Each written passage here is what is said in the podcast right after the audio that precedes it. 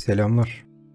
Bu podcast kanalını açtığımdan bu yana yanılmıyorsam iki kez Z kuşağı ile alakalı doğrudan bir şeyler paylaştım. İlkinde onları kırmadan ve biraz da onların yanında olarak çeşitli övgüler düşsem de ikincisi biraz daha samimi ve içten fikirlerime yer verdiğim bir podcast olmuştu. Fakat bu konuda kaydettiğim iki podcast'te de içime sinmeyen, beni rahatsız eden bir yan vardı. İki podcast'te de gizliden gizliye kapıldığım duygu ne kadar uğraşsam da hayata ve yaşananlara bakış açım doğru bir noktadan olmuyordu. Ben dünyanın şu an olduğu gibi bu kendi gövdemden baktığım merkezinde kendimi yeni bir teknolojiyi yorumlamaya çalışan geri kalmış antika bir herif gibi hissediyordum. Kendimi YouTube'da bir podcast kanalında değil de bir lise sahnesinde motivasyon konuşmacısı olarak hayal ettiğimde konuşmanın sonunda genç arkadaşları yeterince anlamadığımı fark ettim. Evet, aralarında çok zeki olanları var. Evet bazısı saygı ve zekanın ne olduğundan bir haber. Evet çok fazla geri zekalı olanları da var. Ama kendilerinden bahsettirmeyi bir şekilde başarıyorlar.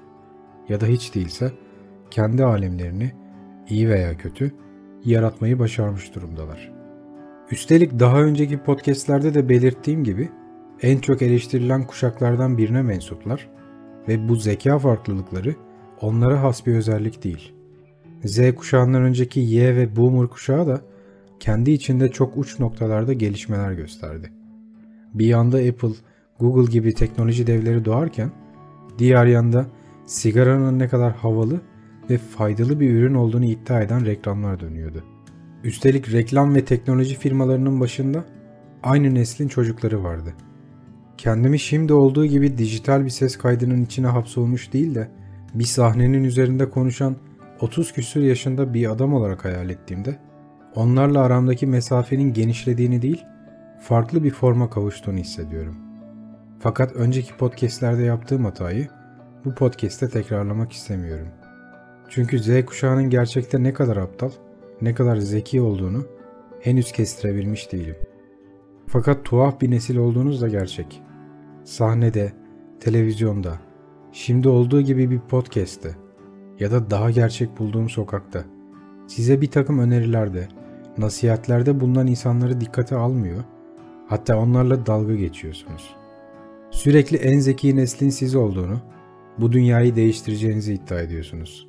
Ama dünyayı değilse de yaşadığınız coğrafyayı değiştirmek için hiçbir şey yapmıyorsunuz.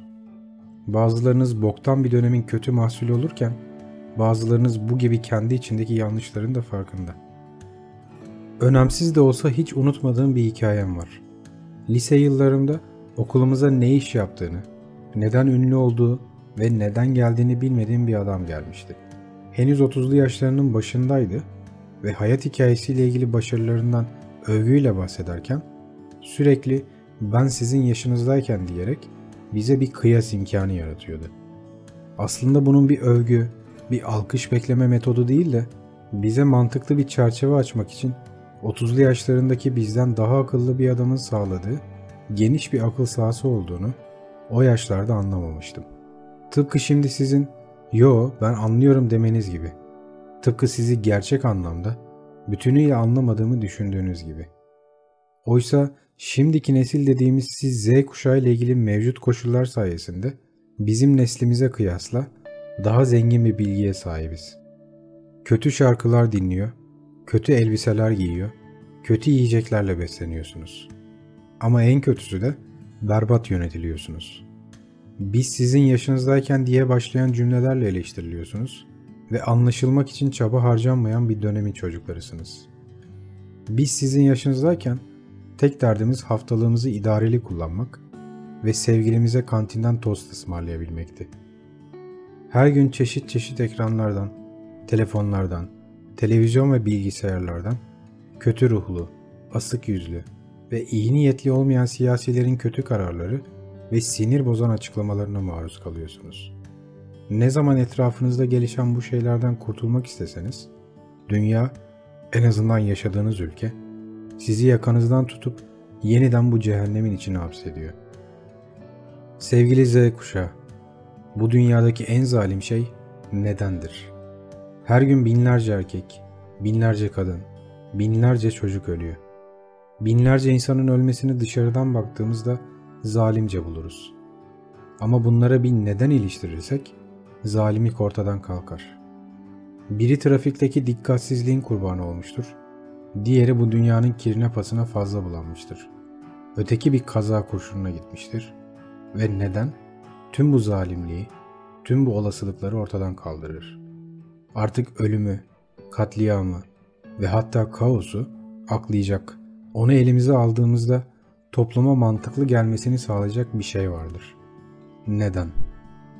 Çarşıda tam da olay anına denk geldiğimiz bir cinayetin bizde bir şok etkisi yaratmasının nedeni hikayesini yani nedenini bilmemektir. Öfke ve nefretle dolu bir adamın bir başka adamın kafasına silah dayadığı anda, tam da o anda, tetiği çektiği anı tanıklık ettiğimiz anda, beynimiz olan biteni algılayamaz. Çünkü hikayesini ve nedenini bilmez. Yaşanan bu katliamı kabul etmesi için ona bir neden vermemizi ister bizden. Maktulün cinayet zanlısının eşini taciz ettiğini duyarız ve beynimiz gizli bir tarih ve kültür bilinciyle olayın etik tarafı nedeniyle katili haklı bulur. Çünkü yaşanan bu iğrenç olayın bu topraklarda adil bir bedeli olmayacağını bilir. Ama hikayeye başka bir neden verirsek, beynimizin içindeki ahlak anlayışımız bir anda değişir. Meğer trafikte yol verme kavgası yüzünden taraflar birbirine girmiş. Aslında kavga çok basit bir nedenden çıkmış. Sonra küfür kıyamet ve bir cinayet. İşte o an neden dediğimiz pis şey görev bilincini yitirir ve beynimiz yaşanan olayı kabul edemez. İşte son yıllarda size yapılan nesil katliamı da bana bu duyguları hissettiriyor. Size yapılanlar sanki adil bir nedene dayanıyormuş gibi davranılıyor ve sırf tepki verdiğiniz için fiziken değilse de ruhen bir cinayete kurban gidiyorsunuz. Sevgili Z kuşağı, 32 yaşında bir abiniz, arkadaşınız, dijital bir sese sıkışmış hayali bir adam olarak benim ya da bir başkasının söyleyeceği herhangi bir şeyin yaşanan tüm bu boktan şeylere bir şifa yaratacağını düşünmüyorum elbette. Çünkü bu bir yanılgı yarattığı gibi olan biten tüm bu şeylerin iyileşeceğine, düzeleceğine dair de sahte bir neden verir size. Oysa neden? Bu dünyadaki en zalim şeydir. Son yıllarda yaşanan tüm boktan şeylerin siyaseten ve ahlaken aklanmasını sağlar.